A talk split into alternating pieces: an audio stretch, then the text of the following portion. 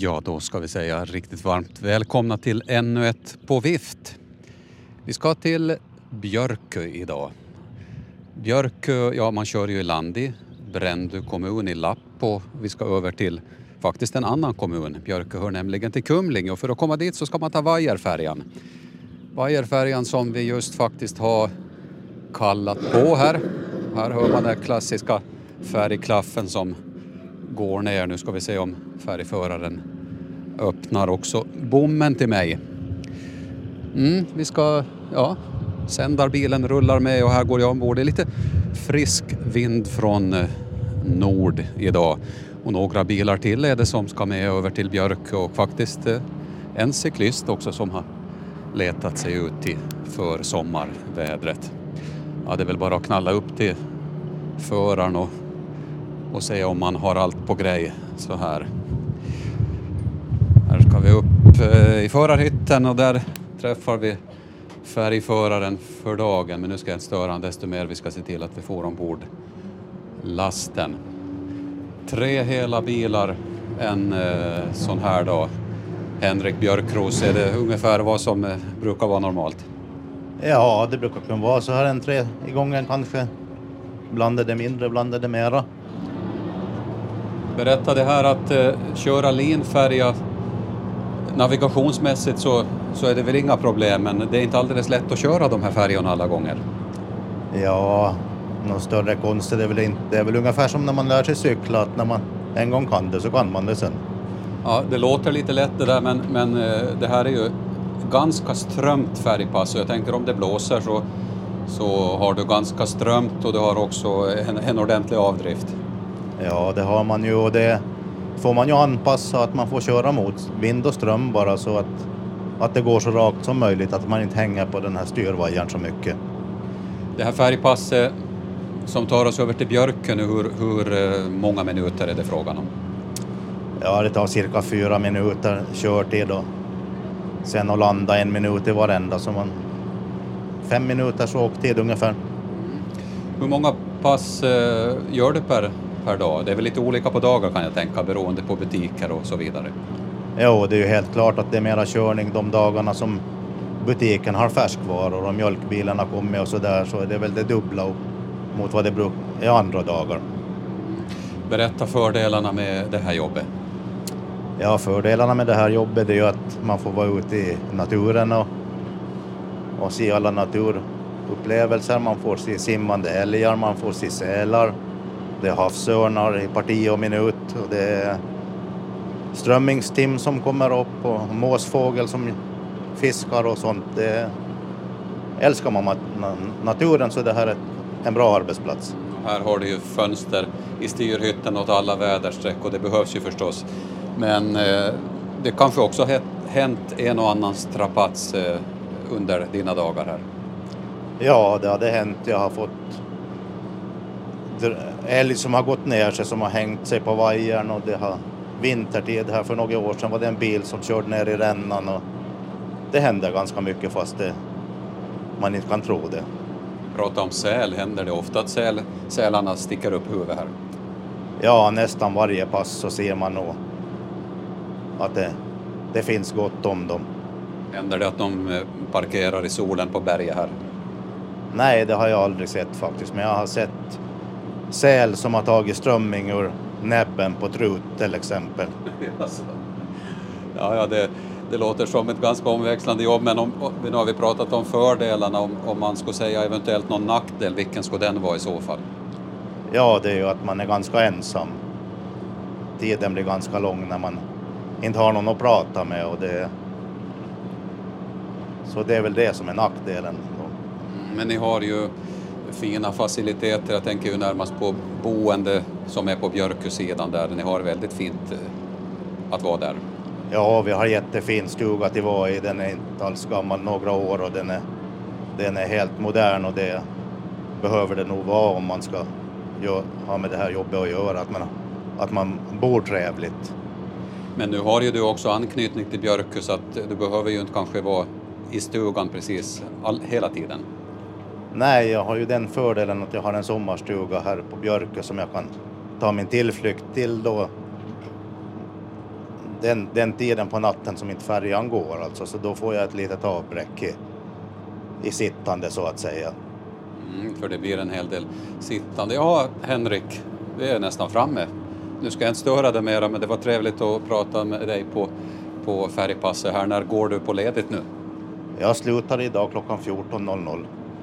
Så sen, sen har jag ledigt några dagar.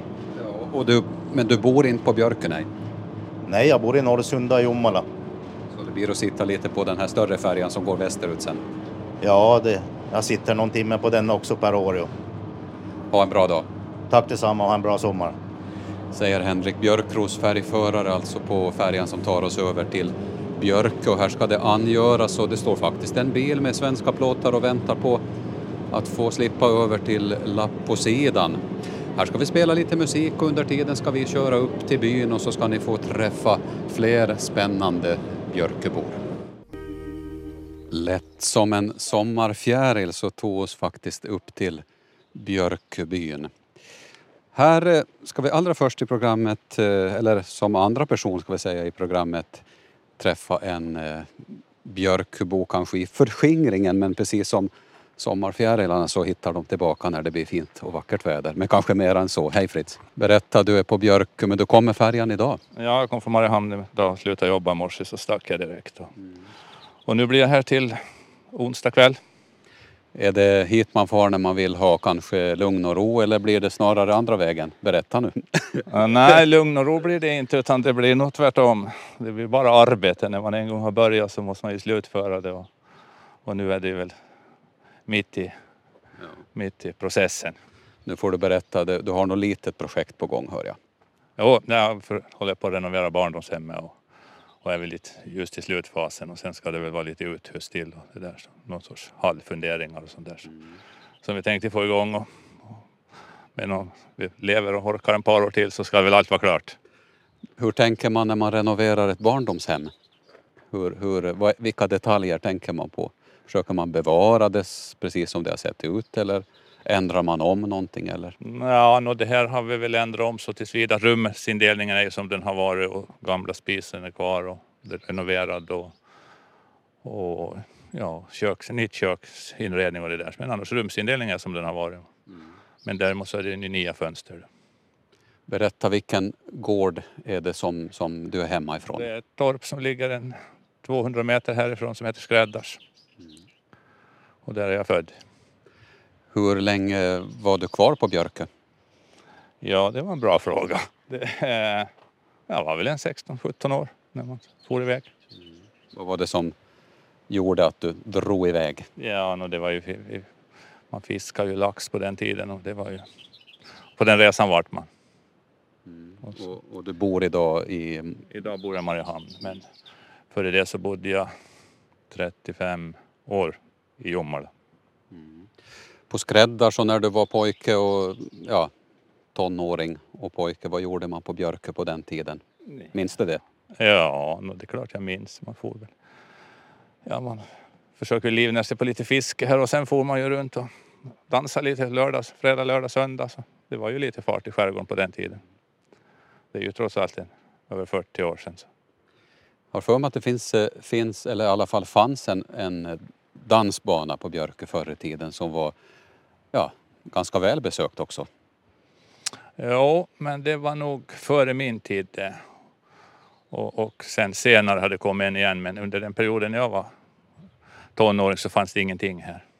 Midsommarstång var det ju, men inte, inte dansbana. Men sen på ett senare skede så har det kommit dansbana igen. Så att somrarna i alla fall så var den tid på året som det var egentligen ganska roligt att vara på Björkö. Ja, och det var ju mycket folk då på den tiden och kom ju mycket hit. Och, så det är klart, det, det var ju trevligt och bra. Då. Hur fungerar förbindelsen då när du, var, när du bodde stadigt här? Nu gick det ju vajerfärja och det gick ju hur fint som helst att komma. Men hur fungerade det då? Ja, då fungerade det på det viset att det var en mjölkbåt som gick från Ängesund och så fick man åka i en liten kabiss i den. Och då var det ju hela Brändö och Enkling och hela Brändö som åkte i den. Mm, så att det vart lite, ja man fick vara social om man så ville eller, eller inte. Ja, det var så då att det var nog lite av utrymme många gånger och det var till sätt på en mjölkkanna det. Minns du hur länge det tog till Ängesund? Mm, nej, men då tog det väl en tre timmar kanske. Cirka tre och en halv. Det var lite annat mot nu. Nu kom du idag här på färjan. Hur länge tog det från det att du for hemifrån tills du var framme i Björkö? Ja, det tar tre och en halv timme ungefär så.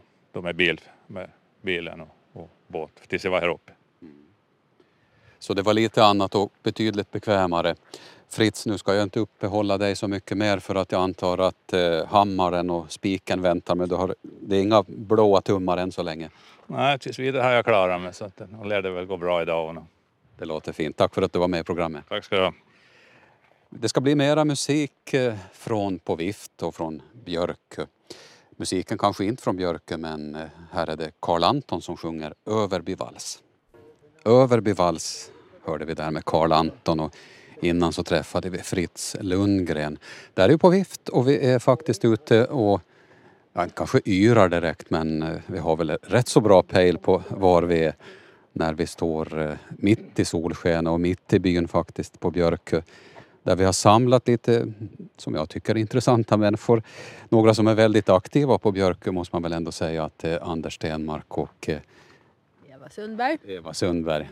Hej på er, hej Anders. Hejsan! Ja, jag sa att ni var aktiva, det är väl ändå ingen överdrift? Nej, det, det kan man väl nog säga att vi är. Vi håller ju på med allt möjligt här. Fårfarm i första hand. Och det betyder att man har eh, förstås göra året runt och ja, inte dygnet runt men vissa tider med får så kan det också bli nattarbete. Mm. Under lamningen som är i april då främst, så då kör vi dygnet runt. Och sen lite efteråt då när vi, om vi får mycket flasklamm. Som i år när vi fick mycket lamm. Det var många tackor fick fyrlingar och femlingar och då ska ju de ha nappflaska så då kör vi dygnet runt. Är det, är det den mest spännande tiden på året också just när det är lamning? För att det finns väl också alltid riskmoment och det kan gå ja, både bra och illa.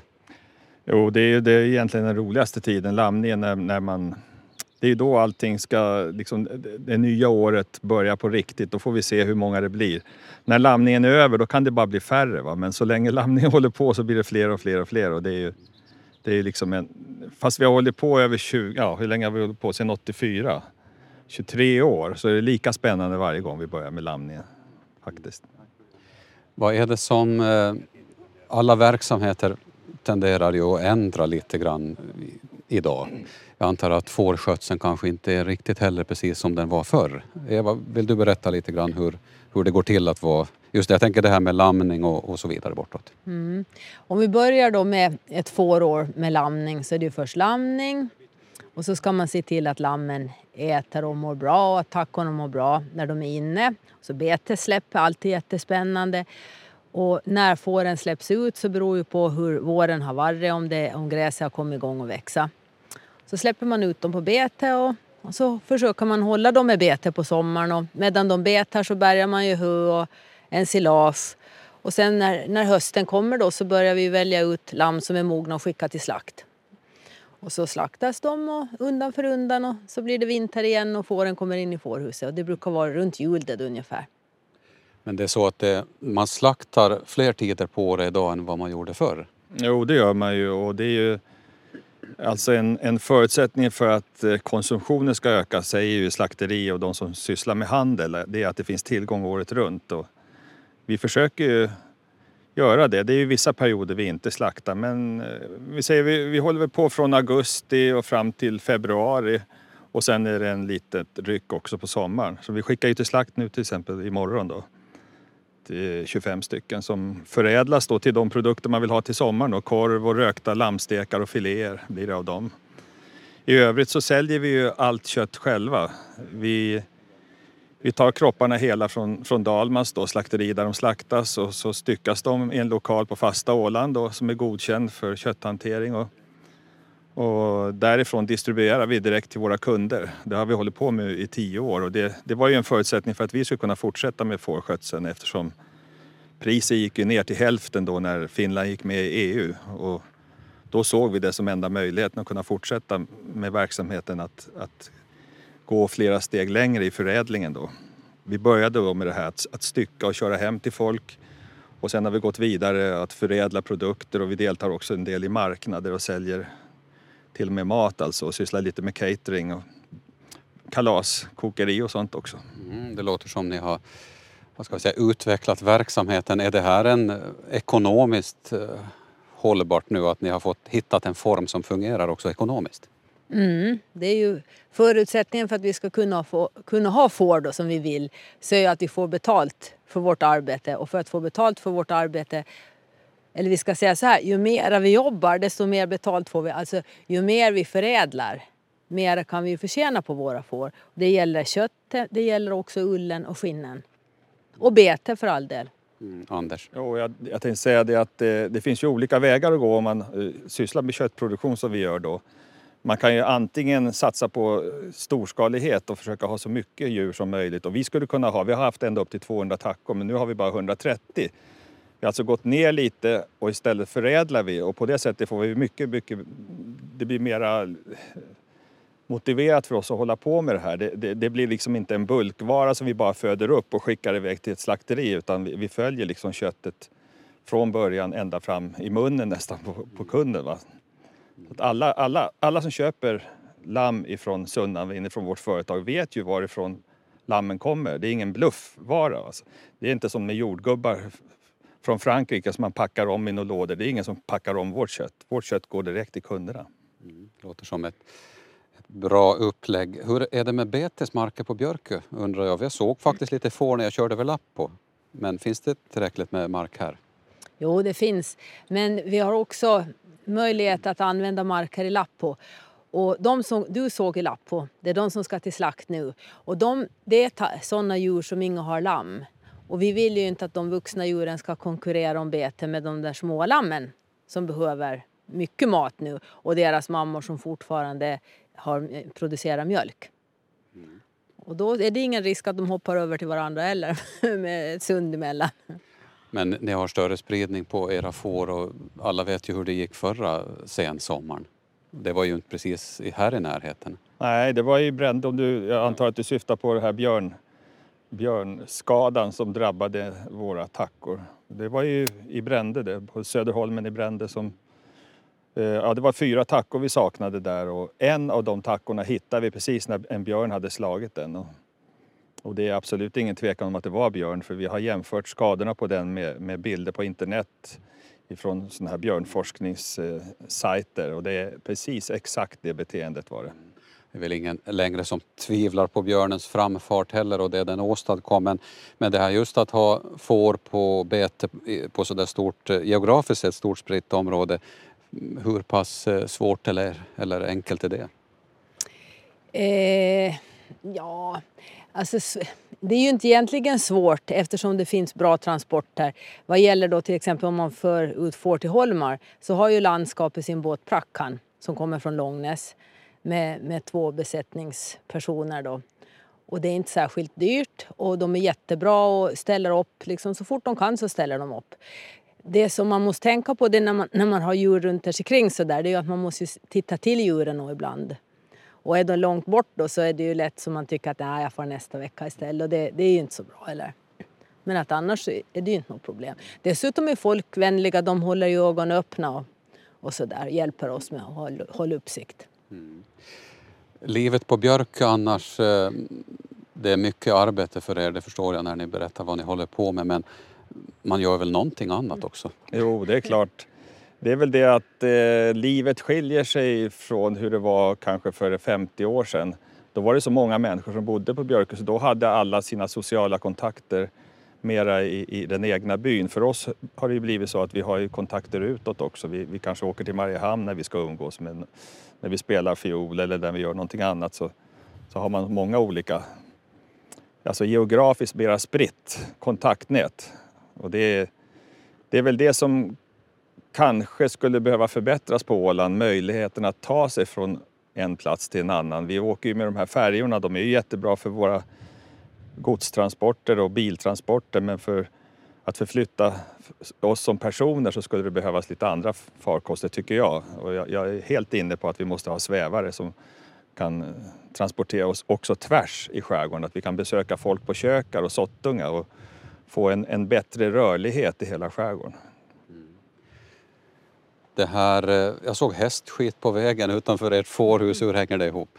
Ja, det är så att vi har faktiskt vi har en häst. Så att det är liksom, det är vårt nöje det. Och för att hästen också ska ha något nöje så har han en ko som sällskap då. Så att vi brukar ibland få ut och finåka då med, med hästen. Och nu går hästen och kon hemma eh, runt vårt hus då vi bor på en udde på sydöstra Björkö. Och då behöver vi inte ägna oss åt gräsklippning och sånt där onödigt utan det fixar de. Så det är ju roligt att ha dem som sällskap. Det tror jag. Finns det andra frågor som engagerar bygden just nu på Björkö? Ja, det är väl en sak som man skulle kunna ta upp som, som inte har varit så rolig de sista två vårarna framför allt och lite grann på hösten också. Det är ju det här tjuvfisket som börjar breda ut sig. Det har ju stått i pressen också de senaste dagarna om det. Och det har ju vi varit drabbade av eh, särskilt mycket tycker jag i vår för att runt vårt, vi bor ju ganska nära stranden så vi ser ju ut över fiskevattnen norrut och söderut på östra sidan och där har det legat fiskare och drivit omkring nästan varenda dag hela våren. Här. Men finns det, finns det stugbyar på Björkö? Eh, nej, det finns inga stugbyar på Björkö och det finns ingen fiskevatten för andra än, än de som har del i samfällda här på Björkö heller så de har ingenting här att göra. Va? Men de har kommit från, ja, de som vi har beslagtagit fiskeredskapen för, de har varit från Korsö, Lappo och Asterholma och allihopa har, har, har liksom sagt så här It's the first time we're here.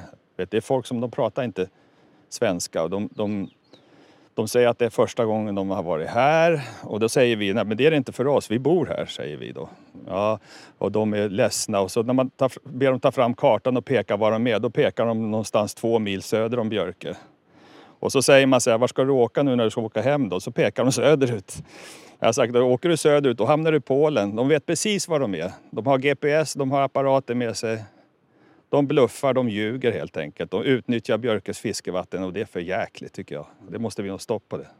Anders låter lite upprörd över det där. Det kan man förstå. Men eh, har du bra lösningar på det då? Eller har ni diskuterat det här i byn? Ja, jag, all, de flesta i alla fall som jag pratar med tycker att det är fel. Att man betalar fiskekort i andra byar och kommer till Björk och drar upp fisken. Men eh, lösningen, ja, jag vet inte. Det finns ju lagar som säger att man inte får gå i land på stränderna mellan 15 april och 15 juni är det väl. Det gäller ju hela Finland och Åland. Och varför ska man då ha tillstånd att ligga och driva längs stränderna? Stör man inte sjöfågelliv och allting? Och även fisk, eh, vad heter reproduktionen då, och att hålla på att dra upp en massa gäddor i lekvikarna här. Det, det kan inte vara rätt alltså. Jag tycker att man skulle stoppa helt enkelt det här fritidsfisket under den perioden åtminstone. Och om man ska ha fisketurister här, eftersom det här inte fungerar, så måste man ha antingen övervakare anställda hos de här fisk eller de här stugbyarna eller ha fiskeguider med sig som man har på många andra håll. Det, det finns på många ställen eh, där man inte överhuvudtaget tillåter att folk åker ut vind för våg utan de får betala lite extra. Det är klart att det blir inte samma kunder då kanske som det är nu men det finns alltid. Jag menar, letar man så hittar man alltid rätt kunder. Borde det till en större diskussion inom kommunen för det här kanske inte är bara någonting som eh, drabbar Björkö?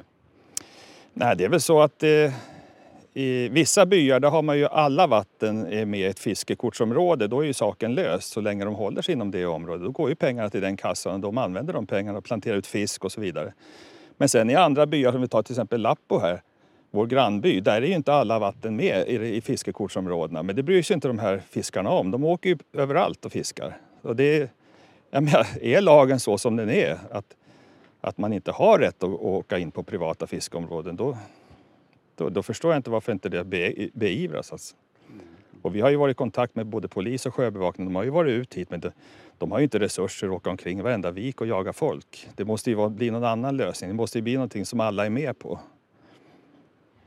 Mm, det säger Anders Stenmark i På vift som vi lyssnar till från Björkö idag. Här är det i alla fall en jätteskön dag i solen och vi ska prata med fler intressanta björkebor och kanske riktigt genuina björkebor också lite längre fram i programmet så byt för all del inte kanal utan stanna kvar. Här ska det bli musik med Brolle Junior som sjunger om sommarkort. Sommarkort med Brolle Junior den här gången. Ja, det här är ju fortfarande på vift som är ute på skärgårdstur idag. Björkö befinner vi oss på och här utanför Nybondas där vi har pratat med eh, flera gäster här tidigare i programmet, bland annat Fritz Lundgren och Anders Stenmark och Eva Sundberg. Här ska vi knacka på och gå in på Nybondas och här tror jag bestämt att vi kommer att träffa, ja, jag hoppas några riktigt genuina Björköbor som finns i, i storstugan för där sitter man när man ska sitta ner och, och språka och här har vi Etel och Gösta Karlsson. Stämmer det? Hej Etel. Hej, hej. Här sitter du i godan ro i gungstolen. Ja, och latas. Men eh, inte är det väl alltid lata dagar ändå? Ja, då är det blivit så när vi blir gamla att vi börjar lata dagar. Förut fick ju jobba. Gjorde, hur mycket jobb var det då och vad jobbar man med förr när det var mera jobb? Ja, vi hade jordbruk och djur och grejer som vi sköt om. Har det varit mycket djur på, på Nybondas? Ja, var två hästar och sex kor och kalvar och nöt och får och gris och... och det räckte nog. Det sköt om. Men tiderna har ju förändrats. Vi har ju hört eh, Anders och Eva berätta tidigare här i programmet. De är verksamma med mycket får idag men, men om vi tänker tillbaka på den tiden när du var yngre. Tiderna har ändrats på Björkö. Ja, ja, de har ändrat mycket de. Han som har kunnat skriva bok så han kunnat skriva igen. För det ändrar mycket det i min tid. Ja, berätta lite om hur det var på Björkö när du var ung. Ja, vad ska det vara då? Vet jag inte. Men det var mera folk i byn i alla fall. Ja, det var väl mellan 80-90 personer. Så alla hade ju sitt som de gjorde. Det var galliaser här. När det var som mest så var det åtta stycken sa de. Men jag minns ju att de har två här också. Se, galjaser som seglar Ja. ved på Stockholm kanske. Ja, ja. For till Finland och, och for till Sveriges håll. Och sockerbetor så för de på hösten från Åland till Salo med galjaserna. Så att det har alltid varit någonting i rörelse. Och på den tiden, eller om vi backar några årtionden tillbaka, så gick det faktiskt att gå ner på handelsboden också. Ja, jag gick då och handlade här då. Min, min gamla tider, när jag var barn, då fick vi lapp på att handla. Men eh, inte längre, då fick de till Brändö eller Kumlinge och handla. Som det inte var la, lapp på. Så det har nog varit jobbigt. Men eh, skola, jag tänker på skola också som du har säkert gått eh, kanske i lapp på i skola ett eller berätta om det. Ja, vi gick i Lappo i skola och, och på måndagsmorgon så förde, de med oss i en jo- jolle till Lappo och då skulle jag ha en kanna mjölk med sig och så skulle man ha en korg med smör och, och bröd med sig de skulle vara hela veckan. Ja, mjölk fick ju där till bodde inne och de tog ju med samma hon som vi hade med. Sen fick vi där. Och, och sen på lördagen när skolan slutade då kom de och hämtade hem oss. Hela veckan fick vi vara där. Och, och vi fick äta på hyvelbänkar. Kokerskan kokerskallad vaxduk på bänkarna och så fick vi stå och äta. Och inte var det några fina rätter på den tiden. Mjölgröt och potatisgröt och, och vetsmjörsvälling och strömmingssoppa. Det var det där rätten vi fick. Vet, bullsvälling, sa det så? Vä- Vetsmjölsvälling. Vetemjölsvälling, Mm. jaha, berätta. Alltså var det på vanligt vetemjöl? Ja, och mjölk. Ja, Som det var kokat på. Ja, så var det. Strömmingssoppa, hur, hur, hur eh, lagar man det tänkte jag säga? Eller vad har man mera i strömmingssoppa än strömming? Eh, potatis hade de. Sen brukade de kunna ha mm, ro, kålrot och, och lärarbjörkros. Han kom alla dagar när det var strömmingssoppa så kom in och fixade strömmingssoppa Jag vet inte om inte frun kokade åt I alla fall så kom jag alla gånger och, och skulle ha. För han var väl uppfödd med det här på Kolholm. Han var ju därifrån. Läraren. Ja. På en eh, tavla på väggen här så visar det att det har många generationer funnits på Nybondas. Eh, det är en, ja, vad är det, åtta, nio generationer Ja, ja. som det är upptecknat där i alla fall. Och det är, är förstås, eh, här har bedrivits jordbruk under alla de här åren. Och på, fiske och jordbruk. Och ja, jag i gamla tider det inte var så mycket jordbruk för då hade vi inte arbetsjord med. Och, men fiske var väl det viktigaste på den tiden. Det var väl senare som det blev mera jordbruk. Sen kom en maskinerier och lite mer där jag arbetar med. Ja. jag pratade med Fritz förut och vi pratade lite om nöjen på Björk och vi pratade om en gammal dansbana men det var lite före hans tid. Men, men Ethel minns säkert dansbanan. Jo, nu minns jag dansbanan. Martorna hade ju fester på banan på somrarna. Och auktion hades ibland. Och, men vi hade ju fester och auktion i, i bondstugorna också. När det var väl bara mitt på sommaren som vi var eh, på dansbanan. När det var bästa, vackraste tiden. Fanns det spelmän på Björkö då? Jo, sådana fanns nog på Björkö ett tag. Flera stycken. Men de är döda i graven de. De var två på Västernäs. Först John och Nils, men sen Janne och ja, Måns spelade också lite. Och Linn spelade fiol och, och Henry spelade dragspel och, och Viking spelade dragspel och inte vet jag. Och gammalt var det väl också, fiolspel men här. Så att, nu har det funnits nu. Det var mycket fest och det var välbesökt, eh, välbesökta danser på Björkö. Jo, jo, de kom mycket folk till Björkö när det var fester. Jo, jo. Eh, Du berättade om skolan i Lappo, Ethel, men hade funnits skola på Björkö då? Jo, det var lite några år på Björkö, men inte så många. Så jag gick fjärde året på Kolholm där i skola. Sen gick jag fortsättningsskola.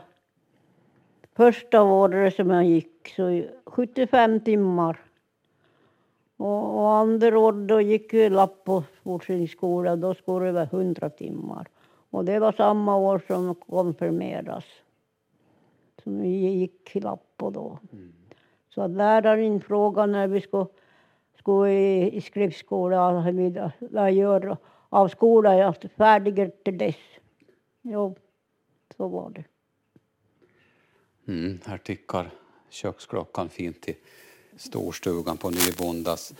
Vi ska prata några ord med Gösta som sitter i stolen bredvid. Ja, vad- har jag fått veta allt? Men eh, du får berätta hur, du- vad du har gjort den här våren för jag såg att du har satt potatisen här ute i trädgården. Ja, jag har nog gjort det. Sätta potatis i. Jo, jo. Ska det bli någon potatisskörd i år då? Jag tror det är dåligt med de där förhållanden som är nu så blir det nog dåligt med. När det kommer när regnet så, så blir det väl ingen, ingen växt heller så att det är så tråkigt som det är. Vad, vad är det som är, är bra med till, till, vad ska vi säga, till arbeta ute på gården på Nybondas? Vilka sysslor så trivs du bäst med Gösta? Gissar jag trivs bäst med? Ja, jag är väl det som jag håller på alla mina dagar i jordbruk. Så att, och Brittsten och har jag gjort mycket i min tid. Så att, eh, jag har nog varit hårda jobb. här. Det låter som ett, eh, ja, ett i alla fall ett annorlunda nöje med ganska eh, tungt arbete egentligen och jobba med stora stenar. Ja, både, både med stora och små har jag jobbat med. Och, och vågor och det var uppe det. Och, jag är mycket om och men med alltihop. Kanske det vart då någon dynamitknall emellanåt? Nej, inte har jag varit dynamit i min...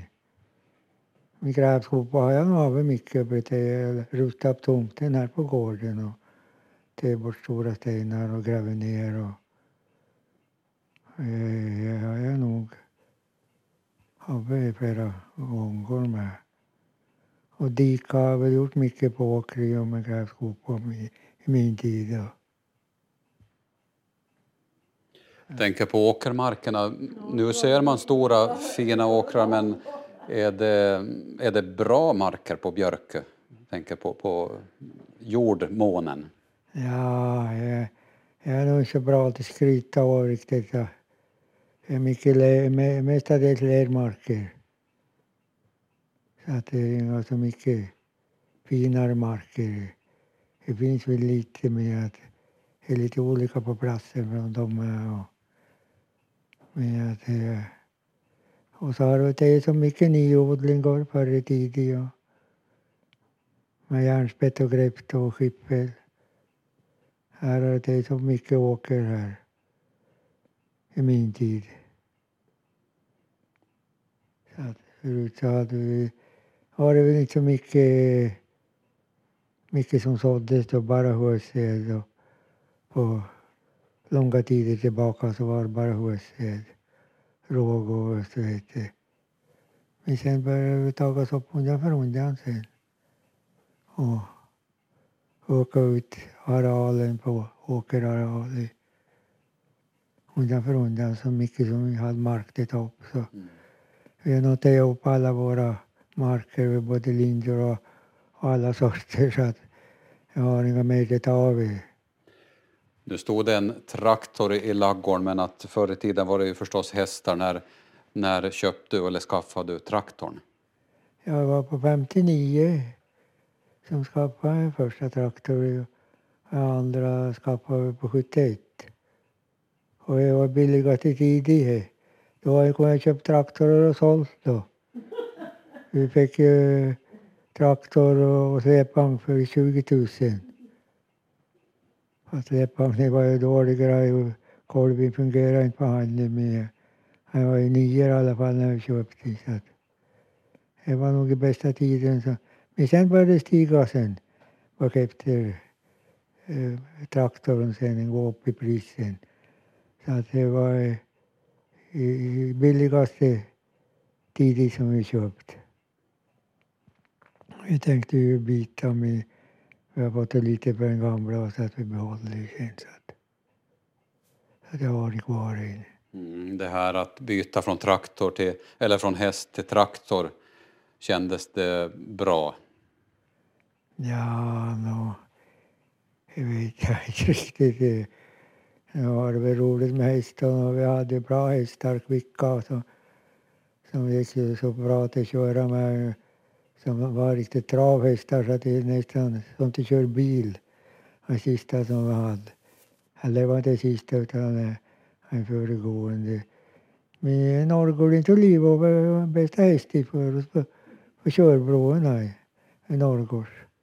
Och Berga Höjendal och, och så var det tre hästar som gick upp på körbron och så började, började de slåss om matet och då och vi blev och jag kom för långt åt sidan så att den föll ner och bröt i. Och vi måste ringa till slaktare till Enklinga och, och slakta den sen. Så att, eh, vi vann inte hemma heller. Vi hade en dag vi, vi var på en holm som hette Takholm och Berga höj. Och vi var en, en pojke som kom, kom dit och talade om mig för oss sen med båt. Så for vi hem sen far, och vi stannade väl kvar vid och bergade lite till höjsen. Vi.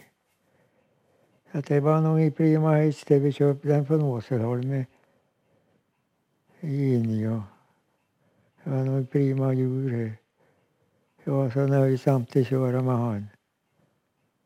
Men jag måste vara kvick, det var inte vara långsam. Mm. Förstås en tragedi egentligen när bästa hästen ramlar av körbron.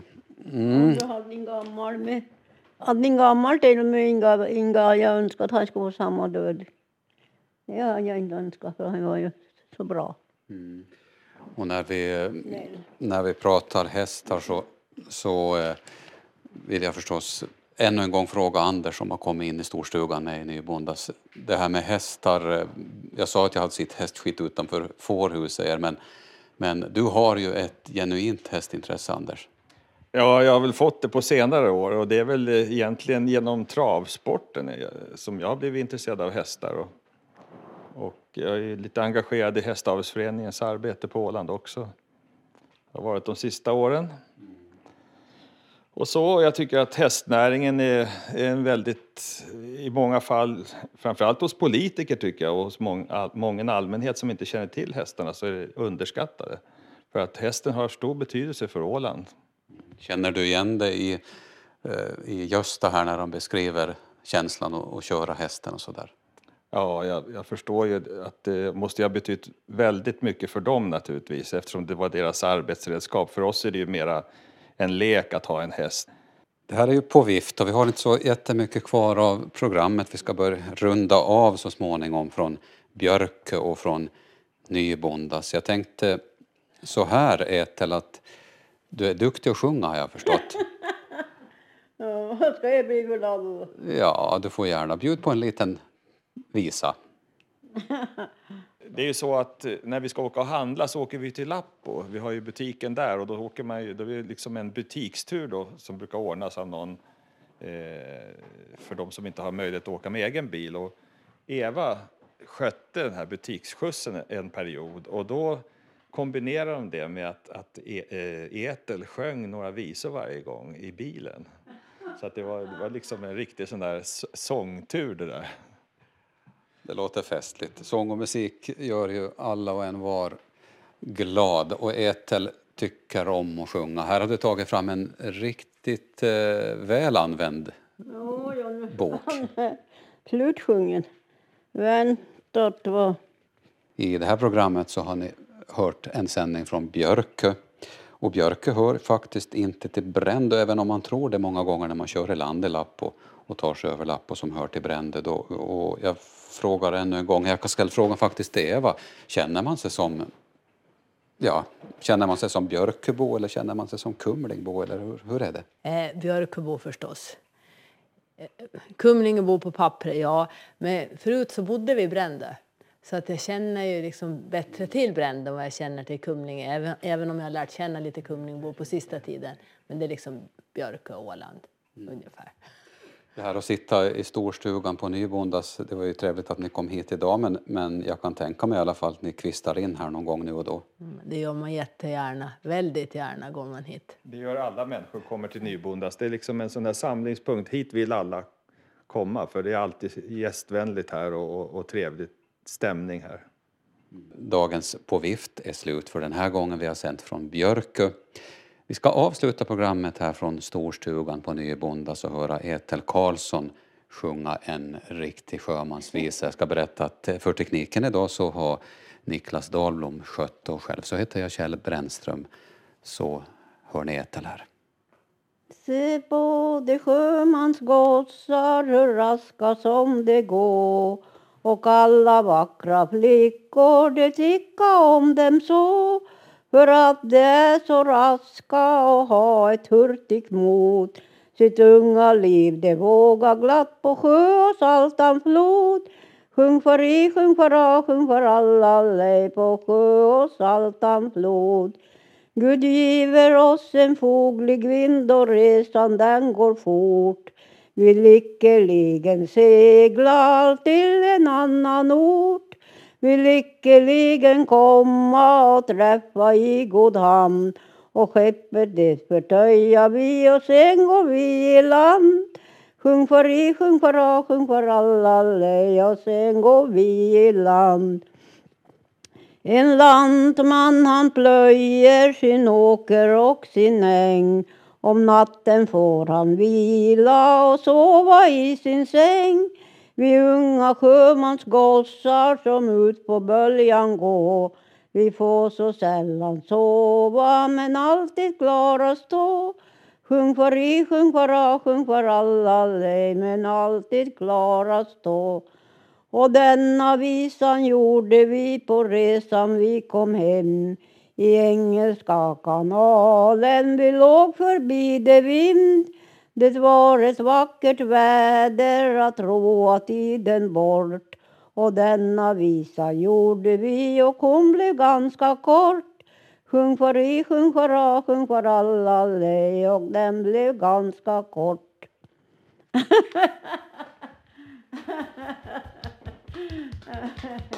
Jättefint.